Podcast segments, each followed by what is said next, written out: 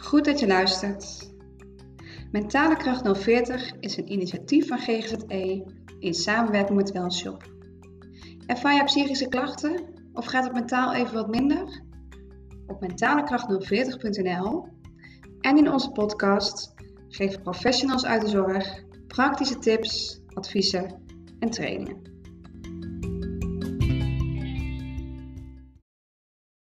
Hallo, ik uh, ben eh, Kim Verhoef. Ik ben GZ-psycholoog bij het online behandelteam van GGZE. En ik zit hier met Loes, de moeder van een uh, transgender kind. genderidentiteit is een actueel onderwerp. Hè, met de wetsverandering dat je ook een genderneutrale geslacht in je paspoort mag. en ook binnen de GGZ is er nogal wat veranderd. In de DSM-4 uh, werd genderidentiteitsproblematiek als een stoornis gezien. Nu is er wetenschappelijke evidentie dat de genderidentiteit voor een groot deel biologisch bepaald is. Zo zie je dat uh, gendervrouwen met een mannelijke genderidentiteit ook een mannelijker brein hebben en andersom ook. En um, dat maakt dat binnen de GGZ er ook anders tegen aangekeken wordt en andere adviezen worden gegeven. De richtlijn is uh, heel recent uitgekomen. Dus het kan zijn dat uh, veel collega's nog niet op de hoogte zijn van de nieuwe richtlijn. En verder uh, ja, wordt, het ook eigenlijk, wordt er weinig aandacht aan besteed in opleidingen. En ik denk dat het heel belangrijk is om, ja, om dit onderwerp wat meer onder de aandacht te brengen. En ik denk dat het ook heel belangrijk is om te zien hoe het is voor iemand die in zo'n situatie zit. Dus Loes Fijn dat je vandaag wilde aansluiten. Dankjewel. Ja, fijn dat, dat, dat je erbij bent en uh, ja, dat je wat vragen wilde beantwoorden. Ja. Zou jij me wat willen vertellen? Nou, we hebben een, een dochter en zij identificeert zich sinds haar derde als jongen. En ehm, met name omdat we nogal tegen veel behandelingsproblemen aanlopen, vond ik het belangrijk om hier iets over te vertellen, zodat andere ouders zich misschien erin kunnen verplaatsen of misschien ook een weg zijn aan het zoeken in, in deze eigenlijk heel moeilijk begaanbare weg. Mhm. Ja, je zegt moeilijk begaanbare weg. Kun je, kun je eens vertellen waar jij uh, op deze weg tegenaan loopt? Ja, zij, hij, ja, dat, wat altijd lastig is, uh, is gediagnosticeerd nu met autisme. Mm en uh, ze hebben als advies gegeven, um, zij uh, acteert vanuit onzekerheid, uh, waardoor ze zich als jongen wilt voelen, omdat een jongen stuur is en een jongen ruig is. Mm Maar, um, en vanuit het autisme hebben ze gezegd, van omdat zij in vakjes denkt, um, vindt zij het vakje jongen stoer en wil zij graag in dat vakje zitten. En er wordt eigenlijk niet verder naar gekeken. Dus je krijgt het advies mee naar huis. Je doet het goed. En uh, blijf zeggen dat ze een meisje is. En dein een beetje met haar mee. Terwijl je als ouder zijn in twee strijd zit. Omdat je merkt dat er meer aan de hand is. Oké. Nou, hè, wat, wat, ik uh, weet is, is dat uh, transgenderproblematiek of een andere genderidentiteit uh, vaak ook samen voorkomt met autisme. Of in ieder geval dat de mensen met transgenderproblematiek, dat daar vaker autisme bij voorkomt dan in de gewone bevolking. Ja. Um, en, en ik begrijp van jou dat dat uh, vanuit de hulpverleners dus ook echt geïnterpreteerd wordt vanuit de autisme spectrumproblematiek. Klopt. Ja. En niet als een op zichzelf staand probleem. Nee. Nee. Klopt. En voor jou als moeder voelt dat anders. Waar merk je dat aan? Uh, het, het, begon eigenlijk dat ze op een gegeven moment aan me vroeg van mama, uh, je moet zwanger worden. En als je dan zwanger wordt van een jongetje, dan pak ik het piemeltje van het jongetje. En dan uh, wordt het jongetje een meisje en dan kan ik eindelijk een jongetje worden. Hm. Toen was ze vier jaar en toen dacht ik van, een kind van vier jaar zegt zoiets niet. Hm. En zo'n kind van vier jaar zoekt dat ook niet op op het internet. Dus dat is toch iets wat vanuit haar gevoel komt. En er, er gebeurden gewoon meer dingen, maar dit, dit is een van die... Dit is wel een heel tekenend voorbeeld. Precies, ja. ja. voor haar leeftijd. ja. Ik kan me voorstellen dat je best wel schrikt als moeder zijnde. Als je zo'n vraag krijgt en dat je ook afvraagt van, goh, wat betekent dit? Um, het is, het is niet echt schrikken, want het gaat allemaal heel geleidelijk aan. Het is eerst de kleding waarmee ze zich identificeert en de kleding gaat kopen. Dus het gaat wel geleidelijk aan. Maar er gaan wel alarmbellen af van dit is niet een, een, een respons wat een, een klein kindje hoort te hebben. En wat is er nu aan de hand. En, mm. ehm, ja, want je hebt natuurlijk wel bepaalde verwachtingen hè, ten aanzien van genderrollen. Ja, hoe vervelend het ook klinkt. Ja. ja. Ehm, toen ze geboren was, ja, dan ging je ook roze kleding kopen. En, uh, um, dus het was, het was een kwestie van omdenken. En dat had wel even tijd nodig. Maar op een gegeven ogenblik liep ik door de winkel. En in plaats van alle schattige roze dingetjes, dacht ik van, ik ga maar naar de jongensafdeling. En ik kijk maar naar haar als een jongen. Hmm. En toen was voor mij eigenlijk de knop al om. Hmm. Alleen het, het uh, vlak van je gaat al hij tegen haar zeggen, dat is nog heel erg moeilijk. Kinderen identificeren zich al op jonge leeftijd met uh, een geslacht. Hè? Vaak is dat het geboortegeslacht. En maar in het geval van jouw dochter was dat dus het tegenovergestelde geslacht. En als ik jou zo goed begrijp, ook heel duidelijk. Hè? Er was niet twijfel of hè, dat, het was heel duidelijk met, met allerlei voorbeelden in, in, uh, in één richting. En, en je ziet dus hè, die identiteit. Je hebt uh, ook dan een, een sociale transitie, waarbij je dus inderdaad uh, hè, met hij gaat aanspreken, terwijl het een zij is. En dat je ook, uh, um, en daar hoort ook het uiterlijk bij. Maar goed, op, hè, daar zit dus ook een grijs gebied. Want ik hoor, hè, je zegt, hè, kleding, daar, daar zijn we al wel ja. in een soort transitie. Maar het hij of zij, of misschien een andere naam, dat, dat is natuurlijk ook wel weer een hele stap. Ze heeft het voor zichzelf heel erg duidelijk. Ze weet zelf al hoe ze wilt heten. En uh, ze zegt ook tegen mensen dat ze, dat ze een hij is. En is ook heel trots als, uh, als uh, mensen tegen haar zeggen: en jongetje, en manke.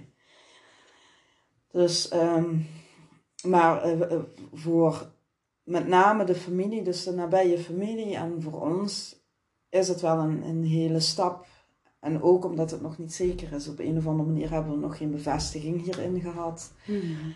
En dat maakt het voor jezelf ook heel erg moeilijk. Ook omdat dat met name de zorgverleners waar wij mee te maken hebben. Dus aangeven van uh, blijf het zo lang mogelijk zeggen dat ze een meisje is. Zegt dat ze een stoer meisje is. En uh, zodra als zij de hormonen krijgt, als zij uh, in de menstruatie komt, ja, dan wordt het wel een meisje. Oh. Dus dit is het antwoord dat wij uh, krijgen in het algemeen. En, en, en hoe, hoe, hoe voelt dat voor jou als moeder? Voor mij als moeder, ik heb nu wel zoiets van: het is, het is geen meisje. Het loopt als een jongetje, het, het, het gedraagt zich als een jongetje. Het begint al uit te zien als een jongetje. En om te wachten op die hormonen vind ik nogal een opgave. Mm en uh, nu door uh, psycho-educatie, uh, met name door jou, um, heb ik steeds meer zoiets van er moet, moet verder gekeken worden en er moet inderdaad ingegrepen worden. Ja. Misschien goed om voor de luisteraar daar wat meer over te vertellen. Hè? Want ik heb me inderdaad in de literatuur verdiept hierover. Uh, omdat ja, het liefst zou je willen kunnen voorspellen. Hè? Van uh, oké, uh, als je een, een, een dochter hebt met een, mannelijke genderidentiteit, hè, op deze leeftijd, uh, hè, want, want, ze is nu zeven. Ze wordt zeven. Oh, ze ja. wordt zeven. Ja. ze wordt zeven. Hè, dus dat op deze jonge leeftijd uh, al zo'n duidelijke identif hè, zich identificeert uh, met, met jongens zijn. dat, dat kan ook nog veranderen. Hè. Als ik dan de literatuur bekijk, dan lijkt dat alsof dat uh, in de meeste gevallen zo is. Maar als je dan dieper gaat kijken, dan zie je dat ze dus uh, in die studies vaak ook uh, kinderen hebben meegenomen waarbij de identiteit ambivalent is. Dus de ene keer jongenskleding, dan meisjeskleding of alleen maar bepaalde dingen van het ene geslacht en andere dingen. Maar hè, wat, wat ik heb gevonden is dat um, inderdaad het heel duidelijk. Um, hè, vasthouden aan één geslacht een belangrijke voorspeller is voordat het blijvend uh, kan zijn. Um, maar goed, zeker weten, hè, dat, dat doe je natuurlijk nooit. Nee, nee. Uh, tegelijkertijd, um, hè, als je dan kijkt vanuit de transgenderzorg, uh, zijn er best wel veel mogelijkheden. Hè? Bijvoorbeeld puberteitsremmers, ja. Hè, waarbij je dus um, eigenlijk de, de, de, de puberteitontwikkeling echt afremt. Het woord zegt het al. Ja. Um, waardoor de keuze op een later moment gemaakt kan worden. Ja. En uh, dat betekent dus dat als je stopt met de puberteitsremmers, dan zal ze zich als vrouw ontwikkelen. Um, mocht ze dan in die tijd toch bedenken dat ze graag in transitie wil, mhm. dan is dat natuurlijk veel minder ingrijpend om dan met mannelijke hormonen te starten, dan wanneer ze al borstontwikkeling heeft en, en eigenlijk die vrouwelijke ontwikkeling ongedaan zou moeten worden gemaakt. Als, als, als ouders zijnde heb je het gevoel dat je een, een, een best wel eigenlijk heftige beslissing voor het kind moet gaan nemen. Want het is inderdaad als je het op zijn beloop laat gaan of dat je afwacht en ze gaat die borst ontwikkelen en uh, ze gaat ook um, begrijpen wat het inhoudt om vrouw te zijn met de menstruaties en alles erbij uh, wordt ze dan diep ongelukkig. Maar wat als je aan de puberteitsremmers gaat beginnen, inderdaad, wat voor een beslissing neem je voor haar? Maar het is wel zo, puberteitsremmers zijn inderdaad niet definitief. Als je al zou zeggen van ja, ik laat dan nu opereren, is natuurlijk iets heel anders dan dat je je gaat verdiepen in wat het inhoudt en, en uh, begint met medicatie. -hmm. Maar vooralsnog is het een, een moeilijke beslissing, omdat ze nog zo jong is. Ja, nou ja, en ik denk, ik denk ook dat het, hè, dat het ook nog niet, hè, dat dit ook nog niet het moment is dat er besloten moet worden. Maar ik kan me wel voorstellen dat je behoefte hebt aan meer informatie hierover. Ja. ja. En, ehm, en, en dat is denk ik wel iets wat naast, hè, omdat er sprake is van een autisme spectrumstoornis, de, de geestelijke gezondheidszorg die ingezet wordt op dat vlak, ook naar het transgenderstuk gekeken moet worden. en dat daar apart ook hulpverlening voor ingezet zou moeten worden. Er, er, zou sneller op ingegrepen moeten worden. En inderdaad, het, je, je, kan het wel allemaal erop afschuiven. Het is nu een trend. En er wordt inderdaad makkelijker over gesproken. Net zoals er makkelijker gesproken wordt over diagnoses. Omdat het sneller gezien wordt. Mensen hebben meer kennis. Maar toch in dit geval wordt er niet verder gekeken. Dus je loopt eigenlijk tot een tegen een heel starre organisatie aan en je moet de weg maar zelf gaan, gaan vinden. En hmm. uh, als je niet mondig genoeg bent of je, je, je, je hebt men, niet mensen om je heen die het erkennen, hmm. Dan zit je eigenlijk gelijk vast. En dan is de vraag, hoe ongelukkig maak je je kind? Hmm. Daar heb ik wel ook een studie over gevonden. Dat als je een kind uh, uh, tegenwerkt in de identiteit die het aangeeft, dat dat wel schadelijk is. Ja, absoluut. Ja, dat, uh, dat voel je als moeder denk ik heel goed aan. Hè? Precies, dat is net zoals homoseksualiteit. En um, als, je, als je dat kind gaat tegenwerken, allicht. Ik bedoel, uh, het hoeft niet per se homoseksualiteit te zijn. Elk kind die een, een ouder heeft wat lijnrecht tegenover haar zijn, zijn en kunnen staat. Uh, zal daar een trauma aan overhouden. Dus je wilt, het, het, enige wat je wilt als ouder zijn is dat je kind gelukkig is en zich lekker in haar vel of fijn vel mm. voelt. Mm. en dat, dat, dat is het allerbelangrijkste, vind ik. Ja. ja. Het is natuurlijk niet iets uh, wat je als moeder alleen uh, nee. hè, uh, draagt. hoe, hoe gaat jouw omgeving hiermee om? Nou, de vader is ook gediagnosticeerd met autisme. destijds hoogfunctionerend autist. Dus hij heeft wel de intelligentie om het te kunnen rationaliseren. Alleen is het voor hem nog een langer proces dan voor mij. Ik, ik had met drie à vier jaar al zoiets van, ja, laten we er maar een beetje in meedeinzen. En mijn man begint nu pas een beetje. En, um, Wat meer tijd nodig. Ja, ja. Ik zeg altijd, bij hem moet je altijd de zaadjes uh, planten en dan uh, langzaam op laten groeien. En dan uh, zal hij er steeds meer begrip voor hebben. En nu moet ik ook wel zeggen dat we psycho-educatie inmiddels hebben gehad. Wat ook geholpen heeft, waardoor hij het kan rationaliseren. Mm. De omgeving als in opa's en oma's, tantes, die hebben het er nog steeds wel moeilijk mee. Vooral opa's en oma's, tantes, die beginnen er ook steeds meer aan mee te bewegen. Mhm. Maar uh, bijvoorbeeld een opa en oma van haar hebben haar nog heel lang meisjeskleding gekocht en, en schattige sandaaltjes. En, en vervolgens doet ze het niet aan. En nu heel langzaam laten ze haar kiezen en mhm. laten ze haar wat meer zijn dan een meisje en, en haar jongen zijn. Maar dus de omgeving, vrienden en, en kennissen op school ook, gaan ze er heel goed mee om. En dan accepteren ze haar zoals ze is. Hm. Alleen merk je de directe omgeving heeft toch wel moeilijk hm. moeite om, om, om over te schakelen. Ik kan me ook wel voorstellen hè, dat je hè, zwanger bent van een meisje, je krijgt een meisje en ineens uh, hè, je koopt allemaal die roze kleding en Waarschijnlijk vind je het zelf allemaal heel leuk. Ja. het lijkt me nogal een verandering om, om daarin mee te deinzen. Vind ik eigenlijk wel heel, vraagt ook heel veel flexibiliteit. Ja, ja, ja. En, het, eh, ja, het is heel, het is heel vreemd. Ik, kan, ik kan me ook voorstellen dat er misschien luisteraars zijn die denken van ja, nou, hè, het ligt ook aan hoe je haar opvoedt. Hè? Kan jij ehm, kun je nog een keer uitleggen um, waarom dat voor jou toch echt anders voelt?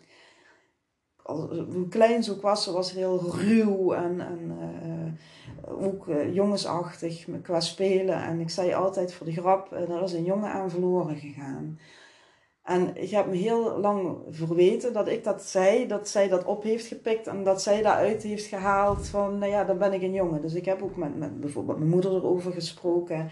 En zij zegt van, uh, jij was zelf ook zo, je had korte haren en je ging met de mannen mee en uh, je ging de bomen in en de modder in. En, en ik zei continu tegen jou, nou, er is een jongen aan jou verloren gegaan. En wij zijn er nooit in meegegaan in die zin dat we niet hij tegen haar zeggen en, en uh, uh, dat we heel erg veel nadruk erop leggen, leggen dat zij jongen wil zijn. Maar we proberen wel haar zichzelf te laten zijn. Dus als zij jongenskleding aan wilt, krijgt ze jongenskleding. En als zij korte haren wilt, dan krijgt ze korte haren. Mm. Alleen proberen we het binnen beperken te houden. Mm. En of dat Ik wou zeggen, volgens mij is dat ook niet zo vanzelf uh, gegaan. Nee, zeker niet. Nee, nee. nee. Want dat is niet al vanaf hè, drie jaar. Het is eigenlijk iets wat heel geleidelijk aan is gekomen. Ja, we, we, gingen wel wat jongensachtige kleding kopen. Nu moet ik ook wel zeggen, als je naar de CNA gaat, word je overladen met alles roze en Hello Kitty. En soms denk ik ook, ja, die arme meisjes, die, die hebben ook geen keuze. Dus daar had ik wel eens vaker begrip voor. Dan dacht ik, ja kind, het is ook allemaal zo roze. Uh, dat hoeft voor mij ook niet. Maar die transitie echt naar jongenskleding, ja, dat heeft eventjes geduurd, ja. Mm. ja. ja. Je zei net, hè, mijn man die heeft wat meer tijd nodig hè, vanwege zijn autisme. Nu is dat met je dochter natuurlijk ook uh, iets dat speelt. Hè? Dat, dat er ook sprake is van een autisme spectrumstoornis. Waarbij het uh, voor haar misschien nog wel ingewikkelder is. Uh, hè, om ook straks die keuze te maken ik denk juist vanuit het autisme spectrum dat ze heel zwart-wit denkt. Ja. En het gewoon ziet, ik ben een jonge punt. Geen discussie mogelijk. Geen discussie. En uh, ze begrijpt ook wel heel goed dat, dat haar geslacht, dat dat haar meisje maakt. Maar daar heeft ze al de oplossingen voor. Oh ja? Daar heeft ze al zoiets van, ja, dat laat ik toch opereren. Mm Dat laat ik toch weghalen. Als ik dan zeg van, ja, je krijgt eigenlijk ook borsten. En dan zegt ze, ja, maar die laat ik wegsnijden. Hmm, ja. En, en daar is ze ook niet droevig over. Of ze, ze, realiseert zich dat ze uitziet als een meisje. Maar dat, dat, dat er wel aan gewerkt kan worden. Ja. Daar komt het eigenlijk op. Hoe komt ze op die ideeën, hè? vraag je je af? Geen idee. Heel vaak, mijn man zegt heel vaak van, uh, och, dat, dat komt van, van, van YouTube, dat heeft ze van YouTube of van internet. Maar nee, dat geloof ik niet. Dat is eigenlijk iets wat wat in haar zit en wat zij zo Dus een wens die zij heeft. Ja, dat denk ik wel. Ja. ja, ja. Stel nou dat er ouders zijn hè, die nu luisteren, die in een soortgelijke situatie zitten. Ja. Heb je tips uh, voor hen? Blijf, blijf als denk vooral als moeder zijn, en vaders zullen het ook hebben, maar als moeder zijn heb je toch een, een, een, een onbeschrijfelijke band met je kind. En uh, als jij het gevoel hebt dat het zo is, maar ga dan ook zelf goed bij jezelf te raden en informeer je goed over wat nou genderdysforie wil inhoudt. Blijf dan vooral bij jezelf en laat je niet te zeer beïnvloeden door je omgeving. Uh, die star willen houden aan het geslacht waarmee het kind geboren is. Mm. Maar luister naar je gevoel. Ja. Ja, ja heel, heel waardevol, hè, denk ik, uh, dat advies. Um, en als je nu naar de toekomst kijkt, hoe zie jij de toekomst? We proberen haar uh, zo goed mogelijk uh, te helpen. Dus we zijn er gewoon voor. En welke keus zij ook gaat maken, daar staan we achter. En ik vind het het allerbelangrijkste dat het kind gelukkig is. En zichzelf goed in haar voelt. En dat wij haar daarin kunnen steunen. En wat de toekomst brengt, dat zien we vanzelf. Hmm. Mooi, dankjewel. Alsjeblieft.